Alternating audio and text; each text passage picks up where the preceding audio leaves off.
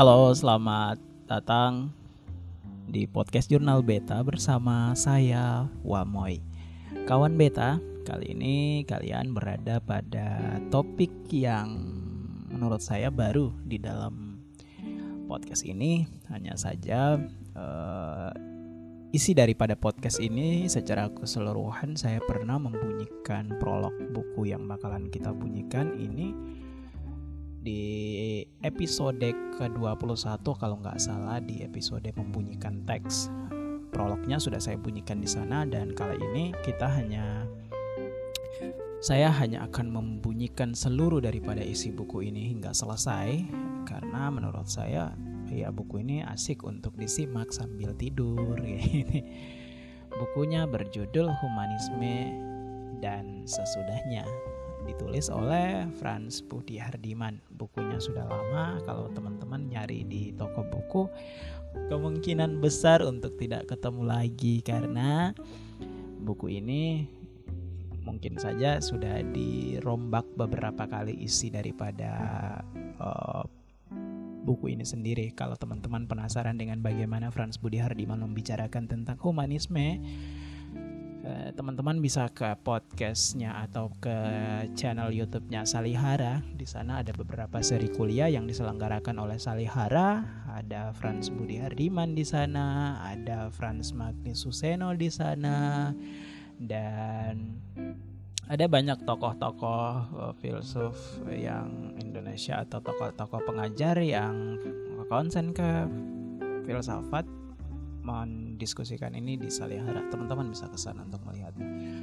Uh, kita mulai dari bab satu ya. Kita hanya akan berlahan-lahan. Uh, kita mulai dari bab satu. Kita baca per subjudul saja, jadi tidak akan lama-lama.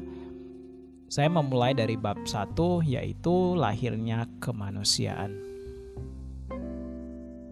Lahirlah kita mulai dengan sebuah pertanyaan sederhana: mengapa humanisme?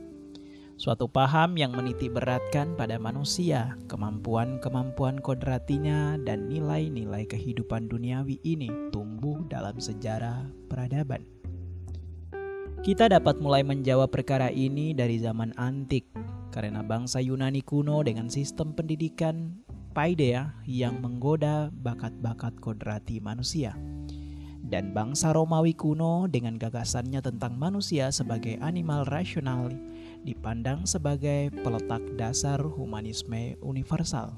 Akan tetapi, para leluhur peradaban Barat tidak menghadapi persoalan dengan sistem religius yang absolut seperti yang dihadapi keturunan mereka di abad pertengahan.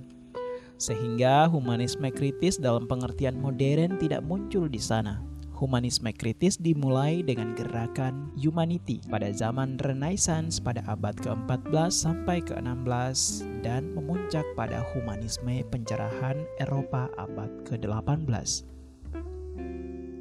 Kita perlu melihat gerakan humanisme modern ini sebagai upaya untuk menghargai kembali manusia dan kemanusiaannya dengan memberikan penafsiran-penafsiran rasional yang mempersoalkan monopoli tafsir kebenaran yang dahulu kala dipegang oleh kombinasi ajaib agama dan negara.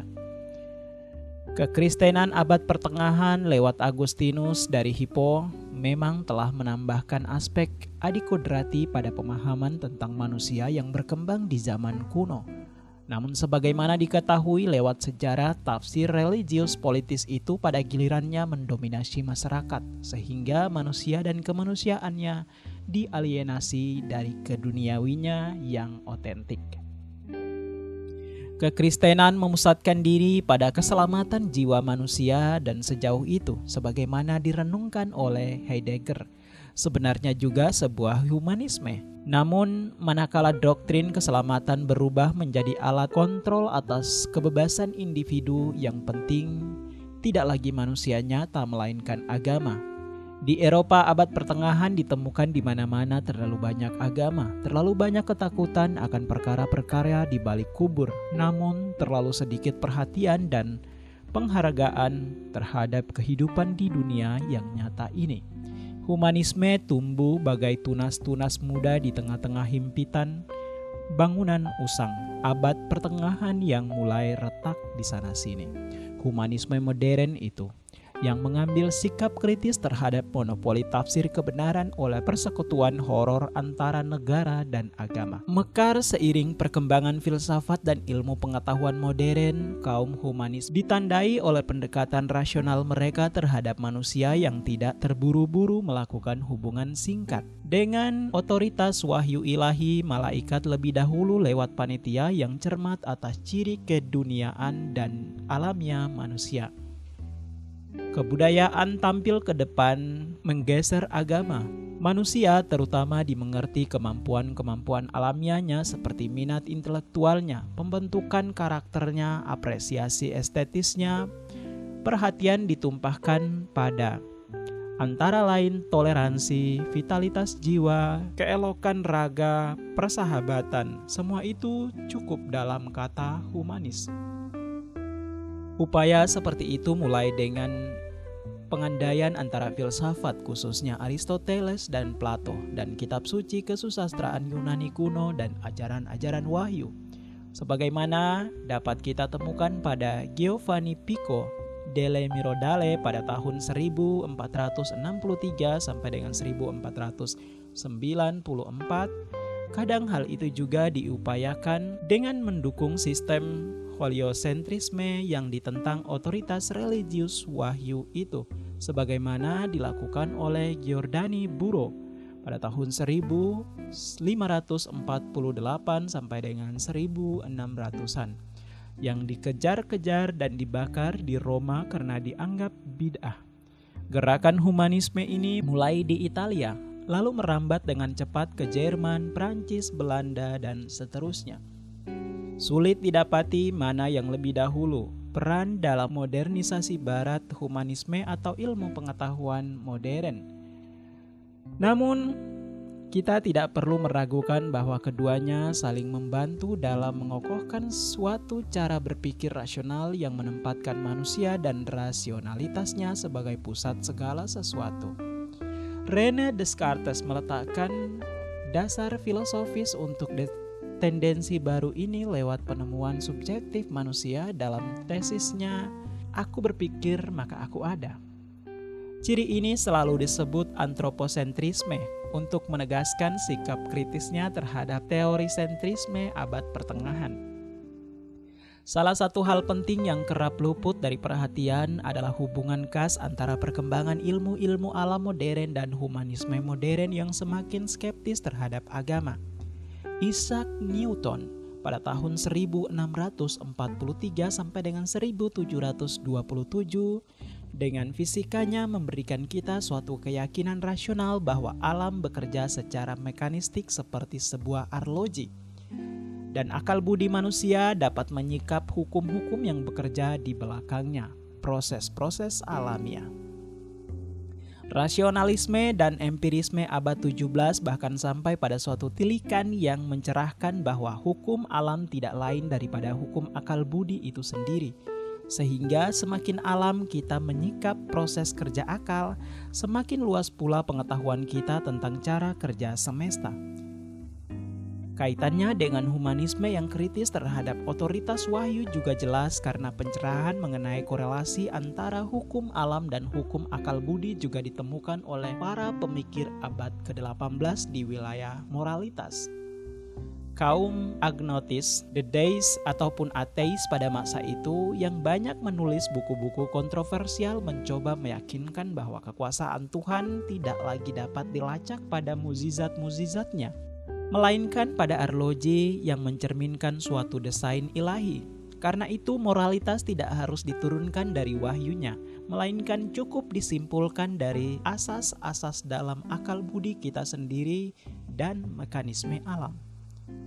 Tidak perlu juga dijelaskan panjang lebar bahwa sesuatu seperti hukum alam bekerja dalam transisi pasar sebagaimana ditemukan oleh Adam Smith dan kaum fisiokrat ditinjau dari sisi tertentu, humanisme seperti berupaya merebut manusia dari alienasi oleh obsesi masyarakat pada dunia, mengakarkannya kembali ke dunia sini lewat ilmu-ilmu alam dan ilmu-ilmu kemanusiaan. Sejak abad ke-17 dalam empirisme Inggris sampai abad ke-19 dalam romantisme Prancis, gerakan ini menyuburkan penelitian-penelitian atas apa yang disebut manusia alamiah. Konsep seperti Strategy of the Nature on Liborn Self tidak lain kecuali melayani pemaparan tentangnya. Manusia alamiah bukanlah makhluk berdosa yang diusir dari Firdaus, yang membutuhkan rahmat Tuhan untuk keselamatannya.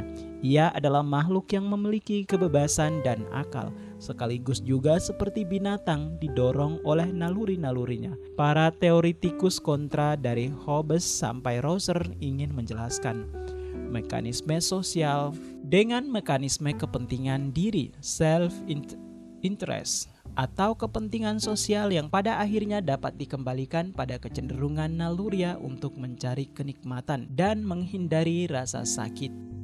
Dalam biologi abad ke-18 klasifikasi makhluk hidup yang dilakukan oleh Card Online atau Linus hanyalah awal dari upaya melihat manusia sebagai salah satu spesies hewan Sebelum Charles Darwin pada abad ke-19 lewat teori evolusinya sama sekali meruntuhkan gambaran sakral tentang manusia yang berabad-abad diimani dalam agama. Humanisme seakan berkata bahwa manusia berasal dari dunia sini dan bukan roh dunia, sama yang terperangkap dalam daging. Humanisme sebagai gerakan sekularisasi dan desakralisasi manusia pada abad ke-18 pada akhirnya memudarkan sisi spiritual yang sedikit banyak masih berbinar dalam humanisme Renaissance. Dalam radikalitas itu menyingsinglah satu tatanan baru yang sama sekali otonom dari simbol-simbol religius. Suatu tatanan sekuler yang menghargai kebebasan dan nilai-nilai kodrati manusia.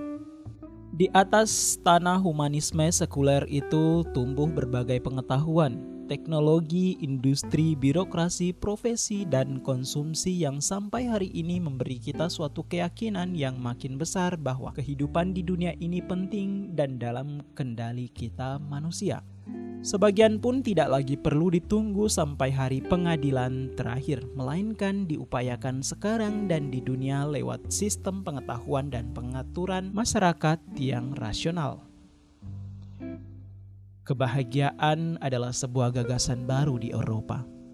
Perkataan yang meluncur dari sains jazz di zaman pencerahan ini mengungkapkan optimisme zaman itu terhadap cahaya nalar yang dianggap mampu mengusir kegelisahan manusia terhadap dunia di balik kubur dan memusatkan diri pada pencapaian-pencapaian kesejahteraan di dunia ini.